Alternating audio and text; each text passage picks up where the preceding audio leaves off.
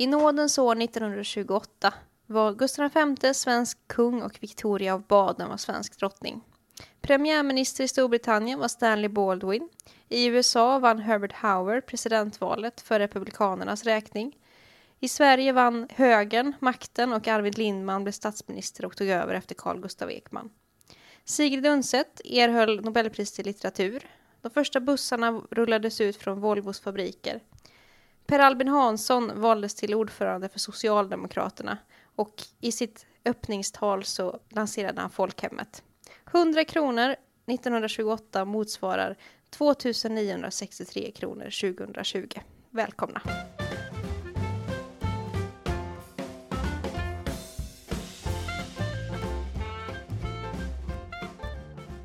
Hej och hjärtligt välkomna till ännu ett sånt här avsnitt där vi ska diskutera ett specifikt år. Och som ni hörde i eh, Lisas fina inledning här så är det 1928 som är på tapeten. Precis, och podcasten ni lyssnar på den heter Historielingo och jag heter Lisa Viktorsson. Och jag heter Iva Morgan. Ni som lyssnade på föregående, förra veckans program, eh, ni eh, hörde också att vi drog lott i en slumpgenerator vilket år vi skulle diskutera idag. Och det, lotten föll alltså på 1928. Och jag tänker mig att i slutet av det här avsnittet så ska vi se vad slumpgeneratorn tar fram till nästa vecka också. Men det återkommer vi till. Ja, det tar vi, det tar vi senare. För nu ska vi ägna de närmsta eh, minuterna åt eh, 1928. Det glada 20-talet som står inför en katastrof liksom, men det var man lyckligt ovetande om 1928. Ja, eh, katastrofen var ju ganska nära nalkande också. För 1929 så hände det ju ganska dramatiska saker i världen. Men vi ska hålla oss vid 1928 och som vanligt i våra årtalsavsnitt så håller vi oss till de små nyheterna främst. Mm, främst. Men no några större kommer idag också. Ja, förhoppningsvis. Och jag tänkte jag kan börja. Ja, vi rullar en jingel och sen så drar avsnittet igång.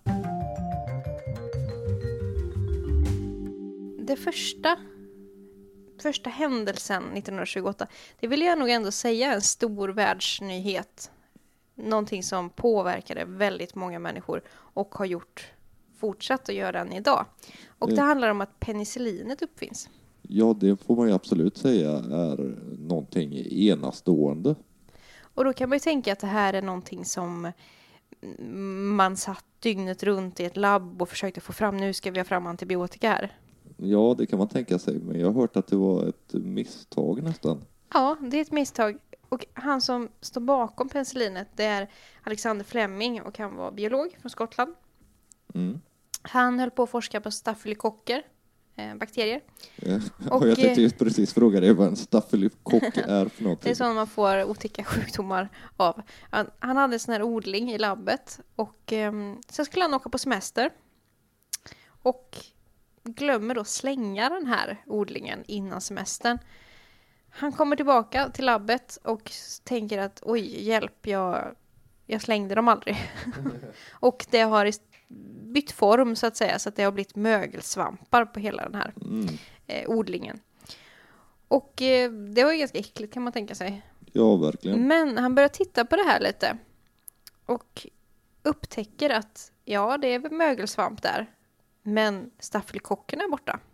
Mm. Mögelsvampen har alltså då dödat Den har själva ätit, bakterien. ätit upp bakterierna. Mm, precis.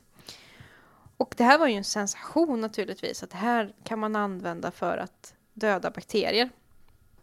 Och den här mögelsvampen den hette Penicillium notatum. Ja, okej. Okay. Därav penicillin. Precis, därav namnet. Så att det här är då banbrytande upptäckt och den görs då 1928 att man kan använda den här mögelsvampen för att döda bakterier. Sen behövde den ju förädlas och förvandlas ja, för självklart. Man kan ju inte bara ta det där gamla provröret och slänga i folk. Nej, precis. Och då, då är det faktiskt två andra forskare som tar vid. Och eh, de heter Shane och Flory. Och eh, ja, de vidareutvecklar Flemings eh, upptäckt. Och 1941 så släpps då antibiotika ut på marknaden för allmänheten. Och i Sverige så används antibiotika eller penicillin då för första gången på Sabbatsbergs sjukhus i Stockholm Mm. 1944. Även känt från John Holm-låten. Ett enskilt rum på Sabbatsberg. Ja, precis. Fast i det här fallet hjälpte det nog inte med bara antibiotika kanske i den, Nej, sång, i den inte sången. den sången kanske. Nej. Men eh, i alla fall, penicillinets upptäckt leder ju då till ett Nobelpris också. Mm. Och 1945 får då Shane Florey och Fleming dela på medicinpriset. Till Alfred Nobels minne. Det får väl säga att eh, Nobelkommittén där gjorde ett bra val för penicillinet har ju liksom eh, betytt väldigt, väldigt mycket för mänskligheten. Ja, precis. Vi har ju tidigare i den här podden pratat lite grann om sjukdomar och att liksom, epidemier och sådär har ju varit otroligt förödande. Och faktum är ju att många av de sjukdomarna som man idag behandlar med antibiotika är sjukdomar som man innan penicillinet faktiskt dog av.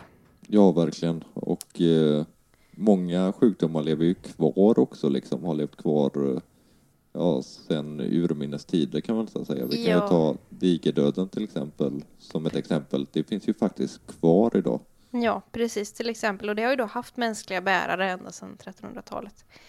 Men eh, penicillinet då, det uppfinns ju också i, i en tid som är ganska dramatisk. Den släpps ju då för allmänheten mitt under brinnande världskrig. Mm. Och det är ju ofta i krig som sjukdomar också sprids. Ja, det, det, det är ju ofta det, liksom, det vi har varit inne på det tidigare i podden också, att det, det nästan är farligare än själva dödandet. Liksom. Mm. Sen är ju andra världskriget på många sätt exempellöst eh, när det ju Mm, Ja, gäller just dödande. Men man måste ändå säga att Flemings penicillin räddar tusentals liv under andra världskriget. Och har så fortsatt att göra och gör än idag. Jag tror de flesta lyssnare har säkert någon gång ätit penicillin. Men då är ju frågan, var Fleming först med det här? Ja, det, är- det är den stora frågan. Det råder lite delade meningar om det här för att man har hittat rester av antibiotika i mumier ifrån Egypten. Ja, det är ju ganska spännande faktiskt. Och- Man undrar ju var den här kunskapen har försvunnit sen då. Om Ja. de har haft eh, liksom antibiotika. Då finns det lite olika meningar om det här. Om, om det var så att man kände till penicillin redan på liksom, Antiken. antiken.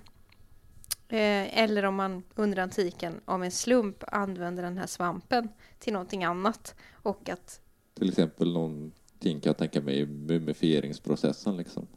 Ja, eller att man åt den eller vad man gjorde med den här svampen.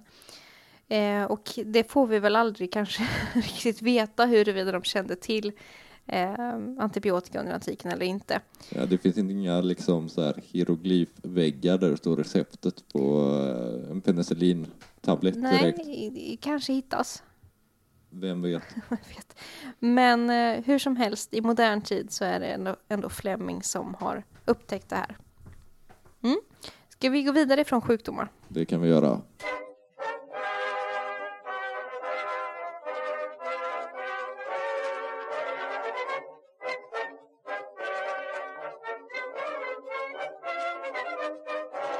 Nu har jag tagit med mig en sak här som jag skulle vilja prata lite om.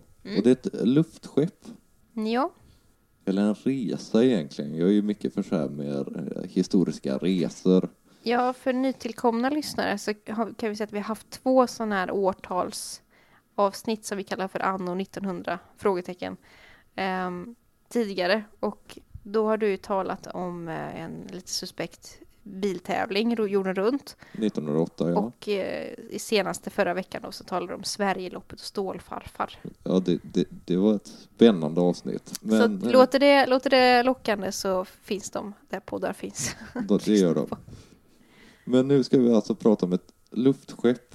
Och eh, det här luftskeppet hette Italia. Mm. Och det gjorde en expedition 1928 just. Mm. Och till skillnad från kanske det där med stålfarfar som eh, var lite så här skämtsamt gjort så är det här nog på liksom största allvar som man gav sig ut på det här. För det var liksom en expedition till Nordpolen. Mm. Det här är ju en tid där sådana expeditioner var ganska så, Ja, så vanliga. Ja, man får väl se det lite grann som någon slags eh, nationell stolthet nästan. Det gällde för olika länder att komma först till polerna till exempel. Mm. Och senare på 50-talet liksom först upp på Mount Ja. Everest och, Och sen upp på månen och på månen. Det är väl det ultimata exemplet liksom. 60-talet. Och Nordpolen var ju 1928 redan upptäckt inom situationstecken. Mm. Men nu gällde det liksom att kartlägga området. Och då tänkte man att varför inte göra det här från luften? Och då är ett luftskepp, liksom en zeppelinare, utmärkt. Och eh, det var italienarna som eh, ville göra det här. Därav namnet Italia. För det här luftskeppet det var ägt av Italian Geographic Society. Och det har ju funnits ganska många sådana här Geographic Society genom tiden. Ja, det låg ju liksom i den här tidsandan också med något slags vetenskapsmans ideal och gärna naturvetenskap. eh, en målning kommer jag att tänka på nu. Mhm. Jag är osäker på vart den hänger. Jag tror den hänger på Nationalmuseum. Ehm, jag kan ha fel. Men den, den finns någonstans i Sverige i alla fall. En, en eh, målning över Nordenskjöld. Ja, ja. ehm, som är väldigt, den är flera meter hög och han eh, står och poserar som en hjälte, liksom en hjälte, en stor liksom, stridshärförare. Jag tror jag har sett den faktiskt. och det, sä- säger något säger om tidsandan. Ja, precis. liksom. Det säger något tidsandan. Jag tror den hänger på Nationalmuseum. Jag kan ha fel. Mm. Och till chef för det här projektet då, att åka iväg och observera Nordpolen från ovan, så var det en italienare som hette Umberto Nobile som blev vald liksom. Och han var pilot egentligen. Eh, och han hade lite erfarenhet av det här också. För redan 1925 så hade Roald Amundsen, Ja, en av världens mest kända norrmän, ja, det får man väl ändå ge honom. Han hade haft en så här, eh, vad ska man kalla, en expedition där också, där han börjat observera Nordpolen från ovan med dels flygplan och men även ett luftskepp. För att hans luftskepp hette Norway, eller Norge, såklart. Men eh, i alla fall han är Umberto, han var, han var kompis med Amundsen. Mm. Och det tänker jag att vi kan återkomma till lite senare fram med den här historien. Men vi kan börja lite grann med, med zeppelinarens historia. Eller ännu hellre kanske luftballongen. För jag tror inte det är många som vet att luftballonger fanns redan på 1700-talet. Ja, det är rätt häftigt faktiskt. Och, det, och då kan man tänka sig på 1700-talet måste det varit rena rama science fiction liksom. Ja, jag, jag tror inte det går att föreställa sig hur det skulle, alltså innan flygplan och helikoptrar och sånt, att någon skulle säga att ja, men, du kan flyga. Jag tror det är svårt att föreställa sig. Det blir lite, lite Ikaros. Precis. Och jag tänkte vi kunde uppehålla oss som en parentes lite grann vid en eh, välkänd luftballongfärd som ägde rum den 19 januari 1784. För det var den tredje luftballongresan någonsin i världen. Och det som var speciellt med den här var att det var första gången en kvinna var uppe i luften liksom. Och det var en eh, ung kvinna från Lyon som hette Elisabeth Dibble. Och eh, något som är speciellt med den här luftballongen hon flög i det är att den är döpt efter Gustav III. Den hette La Gustave. Jag tror att vi har snuddat vid den tidigare i den här poddens historia. Möjligt. Jag Faktiskt. Eh, faktiskt riktigt I något tidigt avsnitt så vill jag nog att minnas att vi har snackat om La Gustav. Om vi inte har gjort det så gör vi det nu. Vi gör det nu. Det är ganska kul att de döpte en luftballong efter Gustav III. Jag tror till och med han var på besök där nere i Lyon också liksom. Så lite häftigt. Men luftballongen utvecklas ju då senare till zeppelinaren. Mm. Och eh, Zeppeliner är ju då ett luftskepp liksom, enorma grejer. Och eh, ja, de första liksom moderna funktionsdugliga zeppelinarna kom någonstans i slutet av 1800-talet, 1898, 1900 någon gång. Och eh, skapad av en man som hette Zeppelin. Just, Ja, det, det är logiskt. det är logiskt. Och sen så började, i och med första världskriget började byggas många, många sådana här. Eh, dessvärre så under andra världskriget liksom, så kommer ju den moderna flygfarten liksom, och då schasas de bort. Men 1928 var fortfarande zeppelinaren het. Och eh, så jag tänker vi kan återvända till Italia, det här luftskeppet. Mm. För man ger sig iväg på den här liksom eh, expeditionen med 18 man i besättningen, så det är ganska många som Ja, är det är med. många. Bland annat en svensk. Mhm. Han hette Finn Malmgren. Han var göteborgare från början och Så pass? meteorolog. Okej, så han skulle förutspå vädret då kan man tänka. Ja, det är ju såklart liksom vitalt att ha någon som kan väder om man åker upp till Nordpolen liksom i ett eh, ganska ostadigt luftskepp. Ja, men så har det ju varit historiskt i många... Nu finns det ju väderappar och, och allt, allt möjligt, men så har det ju varit i många branscher att man haft meteorologer. Så Det har varit meteorologer i, eh, i försvaret, liksom inom militära och det har varit inom sjöfarten och så där har det funnits eh, meteorologer, absolut. Ja, han var, han var liksom väldigt välutbildad i det här också. Eh, tror till och med han hade doktorerat. För jag läst något att så hänvisas han till som doktor Malmgren. Så, Mm, Okej. eh, och han hade också lite erfarenhet och sån här, för han var också med på den här eh, expeditionen med Amundsen 1925. Så att eh, man kan tänka sig att det var liksom järngänget som nu ska vi åka liksom. Amundsen var ju dock inte med. Nej, Eh, Men man ger sig iväg ifrån Milano och man har med sig hela 7700 kilo med bränsle och eh, förnödenheter och sånt. Allt man kan tänkas behöva uppe i det här kalla polarklimatet. Och man lyfter då 15 april klockan 01.15. Och sen så flyger man liksom genom Europa och eh, 11.28 den 3 maj så passerar man faktiskt över Stockholm och det blir såklart en grej. ja, det skulle man ut och titta på kan jag tänka mig. Ja, det liksom folk skulle kolla på det här jätteskeppet som kom. Och Malmgren, han ser plötsligt sitt eget hus. För han var bosatt i Stockholm vid den här tiden. Okej. Och då är man tvungen att ta den här zeppelinen och göra en liten detour över hans mammas hus för han ska släppa ut ett brev till henne. Okej. Eh, historien förtäljer inte huruvida hon hittade det, men eh, Nej, det, det, ja, det, lite sv- svår postgång kan jag tänka. lite svårt det där. Sen blir det ganska dåligt väder så man är tvungen att flyga resten liksom över Finland, över Östersjön och sen Finland. Men för att sen till slut komma fram till just Arktis. Mm. Och där ska man göra liksom tre olika flygningar över olika delar utav Arktis för att eh, kartlägga helt enkelt. Okej. Eh, Och de här två första de här flygningarna gick eh, relativt smärtfritt. Det var lite dåligt väder på den första men den andra var så här perfekta omständigheter för att göra en flygning. Man får ut mycket. Och sen så den 23 maj så startar man den här sista grejen man ska göra innan man ska hem.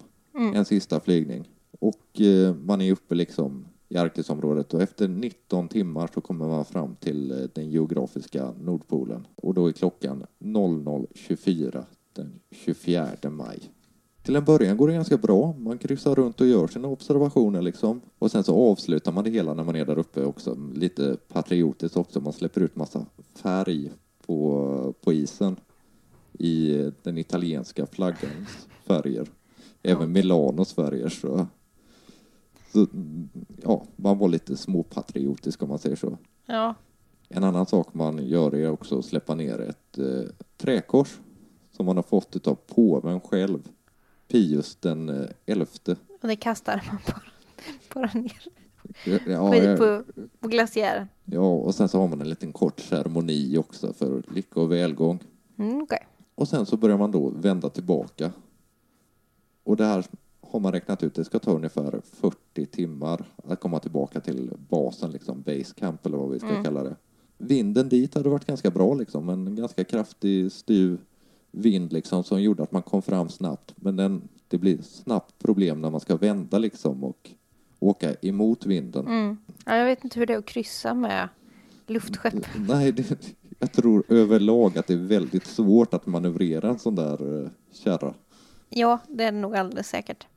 Men man börjar dividera liksom i hur man ska ta vägen om Kanada istället för att komma tillbaka för att det blir Mm. bättre vind och så. Men man bestämmer sig liksom att det, nej, men det kanske är bäst att åka rakt vägen vi kom liksom mot eh, Svalbardområdet ungefär. Mm. Eh, men det, det är nu problemen börjar. Det är ju liksom en isande kall polarvind som kommer Mm.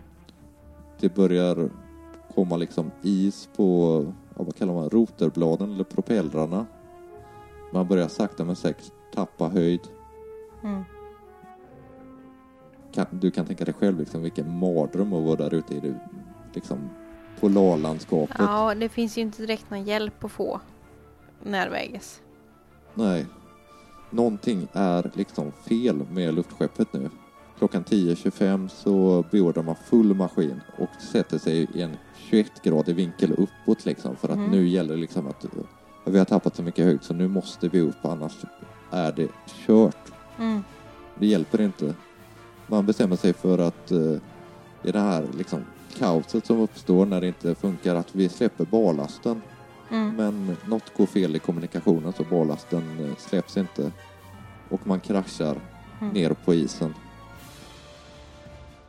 Och eh, nio av de här människorna lyckas ta sig levande ut på isen och Mm. resten dör. Mm. Och de var då 18 totalt. Ja, inte riktigt. Eh, eller det var sex som dog i kraschen Mm. och nio som överlevde så de var 14 där.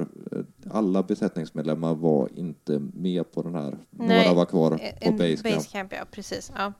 Och sen så är de här siffrorna tror jag en liten hund är inräknad också som överlevde. Det är ju en mardröm på något sätt. Att vara fast mitt ute i ingenstans. Som tur är så hittar man en väska och där finns till exempel lite choklad och en revolver. Mm, Okej. Ja, för jag tänker isbjörnar och sånt där också. Ja, det, det, det är ju farligt där uppe. Det är ju, Ja. och isbjörnen är inte att förakta liksom, för isbjörn är väl ett av världens farligaste rovdjur. ja, om det är väl till och med, tror jag det klassas som det farligaste. Som tur är så hade man ju den här revolven och man ägnar inte ingen här åt att liksom eh, försöka leta efter andra grejer, vrakspillror liksom och se om ja, ligger det någon ryggsäck här där det finns något vi kan använda och så. Men man är liksom fast på, på isen och man lyckas inte riktigt skicka efter någon hjälp heller på radio och sånt. Nej. Ehm, och det är ju farligt. Den 29 maj till exempel så vet jag att Malmgren han skjuter en isbjörn Mhm. och då löser sig det här med provianten för då äter de Ja, isbjörnskött. jo, det är klart. De är ju ganska stora. Men eh, jag tror inte isbjörnskött är så nyttigt som jag förstått det. Nej. Det är någon slags eh, bakterie i det som inte är så bra. Men folk börjar undra vart det här skeppet har tagit vägen. Ett larm går ut och eh, folk börjar liksom att söka efter dem. Det blir liksom prestige i polarkretsar att nu ska vi, Hitta dem. nu ska vi hitta dem. Mm. Och eh, en av dem som ger sig ut är Roald Amundsen faktiskt. Okej. Det är hans gamla kompisar där som Ja, jo, det är klart. Fast det var det sista han gjorde faktiskt i sitt liv. För Mhm. under de här sökningarna så åkte han ett flygplan och flygplanet försvann under mystiska omständigheter. Förmodligen kraschat. Så det var det sista han gjorde. Och Och han har väl aldrig hittats väl? han har aldrig hittats. Ehm, och eh, alla överlevde inte. Malmgren till exempel. Eh, när paniken började liksom så här uppstå att vi mitt här ute och det har gått dagar och ingen har hänt någonting så ger sig han tillsammans med två andra iväg för att till fots liksom gå försöka hitta civilisation. Mm. Men han något blir fel liksom, han fryser ihjäl eller någonting så han säger till de andra att ja, lämna mig här. Och det gjorde de också. Sen så har det spekulerats efteråt om det kan ha varit ett självmord eftersom det var hans väder liksom eh, Mhm. prognoser Ja. som gjorde att de valde den här vägen med vinden som gjorde att allt gick eh, käpprätt. Eh, för att det kan vi aldrig veta. Nej, nej, det kan vi inte veta. Det, det, det måste ju också varit väldigt farligt när de började just att, att vandra omkring håglöst i den här Mm. kylan måste ju varit väldigt farligt i sig. Ja, och ingen, även om de var varmt klädda liksom, så var de, de hade ju inte toppenutrustning för att eh, överleva i det här Nej. extrema klimatet. Så, Nej, det är inte sån liksom, Gore-Tex utrustning som, som, eh, och satellittelefoner och sånt som äventyrar idag. nej, jag tror det har. var liksom mer liksom fårpälsar de Ja. hade spända omkring sig och så. Och de trodde ju inte att de skulle behöva göra det här ens, utan de, de skulle Nej. sitta inomhus på den här zeppelinen. Mm. Så det är en väldigt tragisk historia. Ja, verkligen. Och inte alls lika rolig som de andra liksom, eh, resorna jag har talat om i de här åravsnitten. Men, men det, det är väldigt spännande tycker jag med så här polar. Ja, och det finns ju många som har gjort eh, Mm. li- liknande eh, eh, resor. Det här med liksom äventyrs eller upptäcktsresande var ju någonting som var väldigt populärt under 1800-tal- under 1800-talets andra hälft och början av 1900-talet. Ja, vi har ju det här exemplet med en annan svensk som Ja. fryser ihjäl eller Ja. hur han nog dog, det vet vi ju inte. Men Men eh, ingenjör André som gjorde sin eh, resa med ganska likt det här faktiskt. Han Mm. hade ju en luftballong för att det var ju långt tidigare, 1896 till 1897. Sveriges kanske mest kända ingenjör. Jaha, det får man väl säga. Ja. Eh, men det vet vi heller inte Nej. riktigt vad som... Det är ju en gåta som väldigt många har försökt att ta reda på svaret på, men det är nog... Inte minst B. Usma. Ja, precis. Hon har skrivit en hel bok om, eh, om detta expeditionen. heter den. Mm. Det kan vi väl rekommendera Ja, den är, den är väldigt läsvärd. om man tycker att det är spännande med polarexpeditioner. Ska vi, sk- ska vi lämna luftskeppen och gå vidare? Det kan vi göra.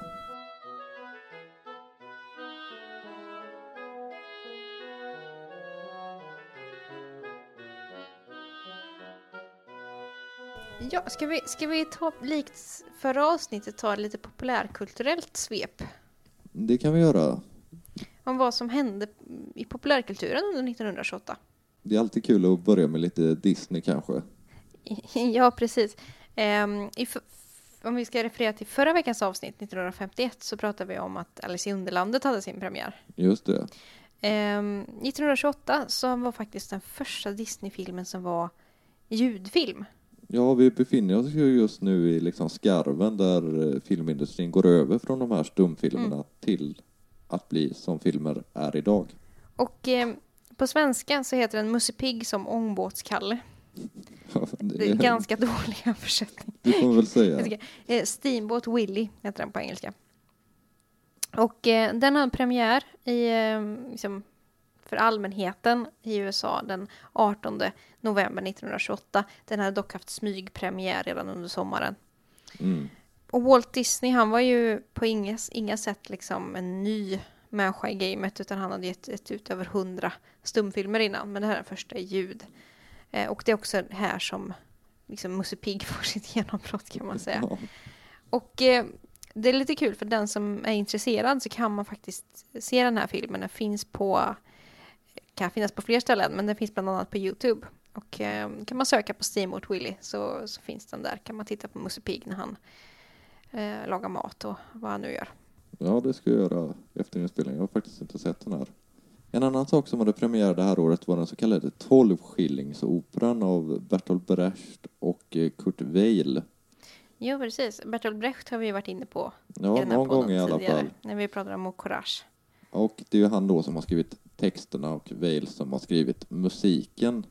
Och eh, egentligen är väl någon slags nästan socialistisk kritik av eh, det kapitalistiska samhället som förs fram här. Och eh, ja, det är helt enkelt en, ja, en musikalisk föreställning. Och det är många liksom så här låtar från den som har blivit kända för eftervärlden också. Till exempel eh, en väldigt känd jazzklassiker som heter Mac the Knife. Som Mm. man har hört Sinatra eller Satchmo sjunga liksom. Precis. Och den här tolvskillingsoperan blev väldigt, väldigt populär. Den sattes upp mycket. När eh, nazisterna tog över makten 1933 så var ju de här två författarna till den här, de var ju tvungna att fly. Mm. Men eh, vid det laget hade den faktiskt spelat runt 10 000 gånger på olika scener i. Europa i flera, flera länder. Kanske vi ska tillägga då att Brecht, som vi nämnde i ett tidigare avsnitt också, eh, han levde under sin exil under andra världskriget i Sverige faktiskt. Ja, precis. Och skrev då bland annat Courage i Sverige. Ja, precis. Och det är ju, Tolvskillingsoperan är ju en pjäs som, som fortfarande spelas. Mm. Lite nu och då, tror jag.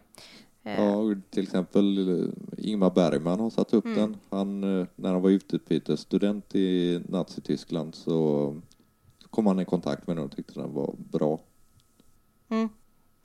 Precis, han kom i kontakt med mycket där. Men eh, det kan vi ta en annan, en annan gång. Eh, när vi ändå pratar om musik eh, så um, en av våra största svenska musikstjärnor eh, debuterar 1928. Mhm. Vem tänker du på då? Och allas vår Jussi Björling. Ja, ja. Han är 17 år gammal och han söker då eh, en plats eh, vid, vid Operan i Stockholm. Och eh, de här föreståndarna eller ja, de som håller i det här audition, de blir ju häpna över den här talangen som han eh, besatt, så ung, 17 år gammal. ja. Och sen så är ju the rest is history, så att säga. Ja, det var ju en pipa på den mannen. Ja, absolut. Ska vi titta på lite på litter- litteraturen kanske?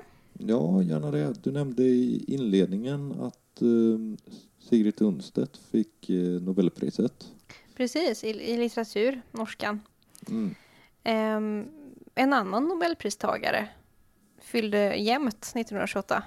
Eh, ja, vem kan det ha varit? Kan det ha varit eh, Selma kanske? Ja, Selma Lagerlöf fyllde 70 år den 20 november eh, 1928. Och hon jubilerar inte bara. Eh, men vill man titta på när hon jubilerar så finns det en fantastisk journalfilm på Sveriges Televisions öppet arkiv. Så man kan titta när hon Om andan faller på. dricker kaffe och eh, det är också fantastiskt för det är en intervju. Men journalfilm innebär stumfilm så att man hör inte vad hon säger men man ser att hon pratar. Man får lära sig att läsa läppar innan man ser den där Ja, helt enkelt. Men hon jubilerar inte bara som sagt utan hon släpper också en roman. Mhm. Och eh, det är Anna Svärd som är den tredje och också sista delen i Löwenskiöldska ringen. Som ju är en av hennes mer kända eh, verk då. Och eh, då vill jag tipsa, det har varit mycket tips idag i, Ja, i programmet. Men det, det kan väl vara bra. Ehm, för den som kanske inte har läst ehm, Anna Svärd eller, mm, eller har läst den men vill se den i film, filmversion så finns det också på SVTs Öppet arkiv som serie. Och då okej. heter den Charlotte Löwensköld och Anna Svärd och den bygger då på hela den här Löwensköldska ringen-trilogin. Och eh, den spelades in 1981 och det är fantastiska Bengt Bratt som står bakom den, han skriver manus. Mm. Och Jackie Söderman som har regisserat och det här är ju då duon som gjorde SVTs längsta tv-serie någonsin, Hem till byn. ja, ja, de två som står bakom. Eh, och det här, det är jätte, det är väldigt välgjord sån här SVT, SVT eh, drama när det är som bäst, skulle jag säga. Eh, och det är ett väldigt, eh, väldigt diger eh, rollista. Det är bara stora skådespelare. Och jag började skriva upp då eh, några av, eh, det är många karaktärer med i Löwenskiöldska ringen, det vet ju alla som har läst böckerna om inte annat.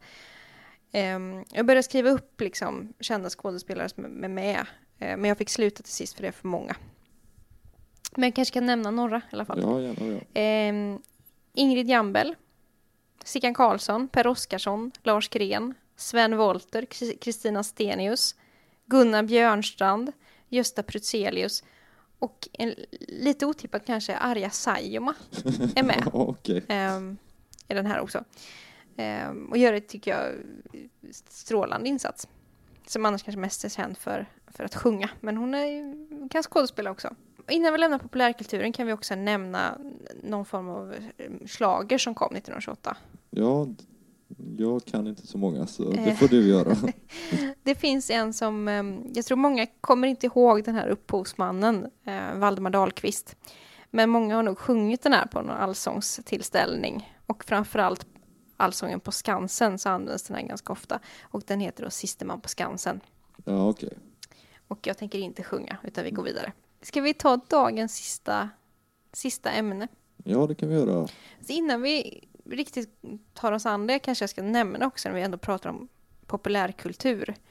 Att en revolutionerande grej som hände 1928 populärkulturellt det är ju faktiskt att i New York så börjar man med de första tv-sändningarna. Ja, ja, just det. Och eh, det är inte jättemycket. Det är tre gånger i veckan så sänds det program på en halvtimme. Så totalt då en och en halv timme i veckan. Men Kanske vi pratar- inte så här eh, den bästa investeringen att köpa en tv-apparat. Nej, men ändå TV 1928. Det är ganska häftigt.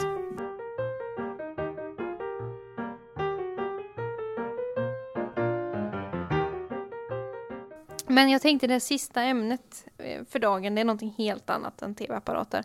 Vi ska prata om ett fartyg mm. som sjösätts 1928. Och eh, vi ska till det fantastiska rederiet Svenska Amerikalinjen. Ja, det är ju med sitt säte i Göteborg. Ja, det blir inte mer göteborgskt än eh, Sal. Nej, ofta när man går liksom på restauranger och så här i stan så har de ibland sådana här gamla affischer uppsatta. Det är väldigt häftiga affischer på de olika båtarna. Ja, precis. Och de är väldigt karaktäristiskt med den här eh, loggan med tre kronor på. Ja, Och eh, Svenska Amerikalinjen, det- den grundas redan 1915 och det är ju storpamparna i Göteborg, Dan Broström och Wilhelm Lundgren som, mm. som grundar eh, rederiet. Och det är ganska långlivat, de håller på ända till 1975 när man väljer att avveckla då kryssningsverksamheten, för det är framförallt kryssningstrafik som det är känt för. Man gick Göteborg och raka vägen västerut till New York. Jag har för mig att Leif Mannerström började sin karriär som kock på någon av de här Ja, jag, båtarna. jag har också hört det. Jag, tyvärr vet jag Mellan- inte vilket fartyg det var, men jag, jag har också hört den. Lite kuriosa. Ja, de hade även frakt, fraktfartyg, Svenska Amerikalinjen, men det är framförallt de här uh, kryssningsfartygen som eh, är kända och det var ett 15-tal man hade totalt. Ehm, och det var känt för att det var väldigt extravaganta kryssningar. Det var lyxig mat och det var framförallt väldigt påkostad underhållning och det skulle vara en fest att resa med Amerikalinjen. Och det är väldigt många som har jobbat inom Amerikalinjen. Ehm, I Göteborg så är det nog nästan var och varannan person som som göteborgare som har någon anhörig som på något sätt antingen har rest med Amerikalinjen eller har arbetat på Amerikalinjen. Jag själv har en släkting eller släktingar som har rest med Amerikalinjen till exempel. Jag hade en gammal eh, musiklärare en gång i tiden som började sin karriär som, eh, med att spela bas på Amerikalinjen. Så det är jag. Och eh, framförallt så är det väl känt för att det var mycket emigranter som reste till USA med just Amerikalinjen. Och kom hem. Som i fallet med mina släktingar så kom de hem med Amerikalinjen. Men 1928 så sjösätts ett av de riktiga flaggskeppen i rederiet. Ja, okej. Några år tidigare så har det fantastiska fartyget Gripsholm sjösatts. Men 1928 så sjösätts systerfartyget MS Kungsholm. Mm. Och eh, det är inte ens, som man tyvärr, eller vad man ska säga, det är inte en Göteborgsproduktion. Hon är inte byggd på Lindholmen utan hon är byggd i Hamburg. Okej. Och eh, det som var lite revolutionerande med just Kungsholm var att man hade dieselmotor, vilket inte var jättevanligt på den här tiden. Och det var ganska revolutionerande, de är ju lite, lite starkare. Så att säga. Ja, okej. Med Så marindiesel. gick, gick det snabbare då eller? Eh, Ja, man hade ganska, ganska hög, som toppfart hade man 17,5 knop. Och det är ganska mycket för det är stora fartyg vi handlar om. Eh, Kungsholm var 181 meter långt överallt och 22 meter bred, så det är en ganska rejäl skuta vi snackar om. Eh, och när vi ändå är inne, på storleken så kan ju antalet passagerare säga någonting också. och man Mm, hade det är ju spännande. man hade plats för ungefär 1400 passagerare plus 200-300 besättningsmän. Det är ganska många hytter då. Absolut. Och i, i mars 1928 då så sjösätts Kungsholm i Hamburg och man fraktar henne till Göteborg. Och från Göteborg avgår hon 24 november, destination New York. Ja, det här råkar jag stöta på faktiskt i researchen för det här, för jag letade om en film jag inte har sett själv som heter Janssons frestelse. Eh, Storyn i den ska, det är en stumfilm alltså från 1928 och storyn är väl egentligen att det är en adelsman som hamnar i bråk med en eh, bonde om ett vattenfall som ligger mellan deras ägor. Och sen så kommer adelsmannens eh, dotter hem ifrån Paris där de studerat och blir förälskad i bonden. Eh, det är storyn. Men det, det som har med det här att göra är att eh, det var en av liksom grejerna man hade på den här premiärkryssningen var det att de visade just den här filmen. Ja, och det som vi var inne på tidigare att det var det satsades mycket på underhållningsprogram liksom på ombord. Och man avgick från Göteborg 24 november och ankommer till New York den 3 december, så resan tog alltså bara nio dagar. Ja, det är inte mycket. Nej, absolut inte. Det är väldigt snabba puckar. Och eh, glansdagarna för MS Kungsholm, de är ungefär tio år, eller ett decennium ungefär, från att man sjösätter den fram till 1939. Och då gör man de här resorna ganska ofta, ungefär två vänder i månaden till New York. Mm. Och det är väldigt många som har rest, som sagt, med Amerikalinjen. Och jag tänkte vi kan nämna några som har rest med just Kungsholm. Ja, gärna det. Och eh, till exempel familjen Myrdal, Jaha. eh, Alva Gunnar och sonen Jan var på en liten tur. Sigvard Bernadotte, eh, som eh, Känd från kungahuset. känd från kungahuset och för mönstret Virvar. Han var ju formgivare. Mm. Eh, och kanske den allra mest superkända människan som var ombord på Kungsholm, det var Greta Garbo. Ja, hon var ju enorm. Hon är nog en av de mest kända svenska svenskarna som har levt, skulle jag nog vilja säga. Ja, det får vi Hon hade ju en säga. enorm liksom, eh, så här, stjärnhysteri kring sig. Spela Jeanne d'Arc bland annat. Precis. Men som sagt, jag sa 39 ungefär slutar glansdagarna och då händer det ju någonting i världen. Ja, det utbryter ett krig. Ja, och då bland det första man drar in på det är ju kryssningsfartyg.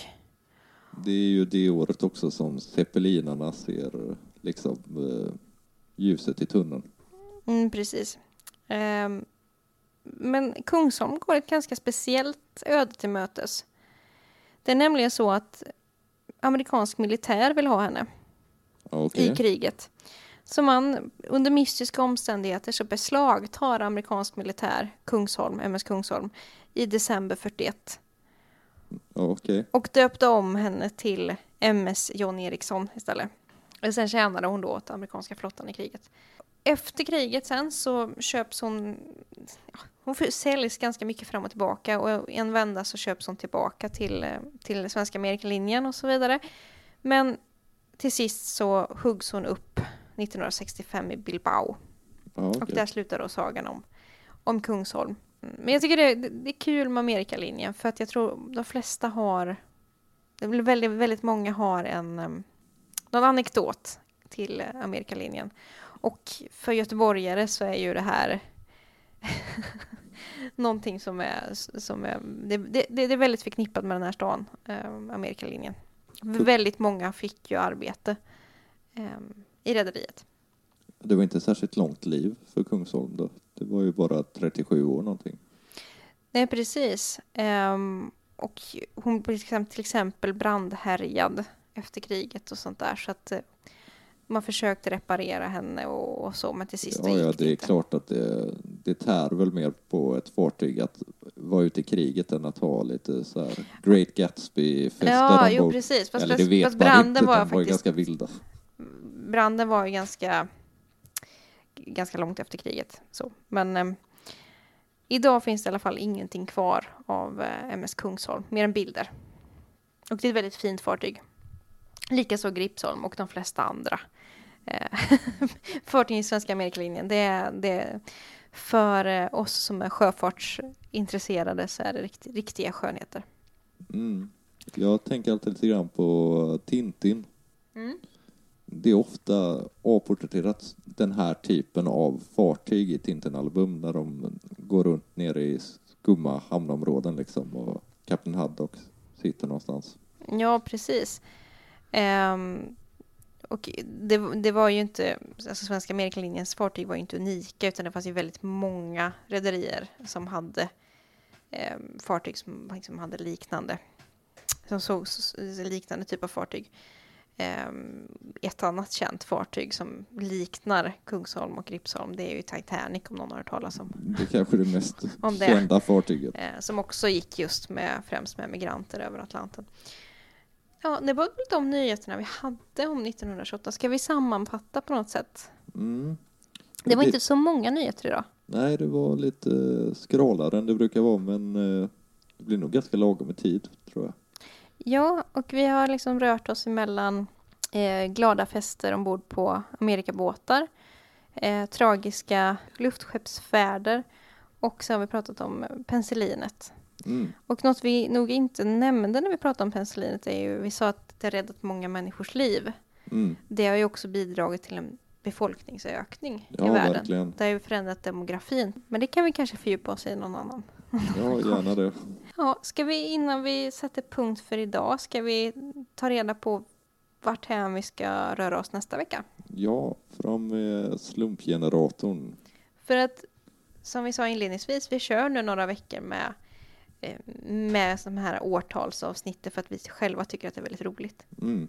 Och eh, vi vill väldigt gärna höra era synpunkter på det om ni också tycker det är kul, om, om ni själva har någon anekdot till, just 1928 kanske det inte är så många som har anekdoter till, men eh, men om ni vill komma i kontakt med oss så kan ni göra det på historielingo.gmail.com. Eller på sociala medier där vi heter Historielingo. Precis. Då ska vi plocka fram den digitala slumpgeneratorn här. Snurra hjulet. Ja, vi ska, vi ska hoppa ganska långt. Mm. Vi ska till ehm, ett år som nog många har minnen ifrån. Ja, det tror jag alldeles säkert. Eh, Dock inte vi. Nej, inte vi. inte vi, men förhoppningsvis en del lyssnare kanske. Vi ska till eh, 1975.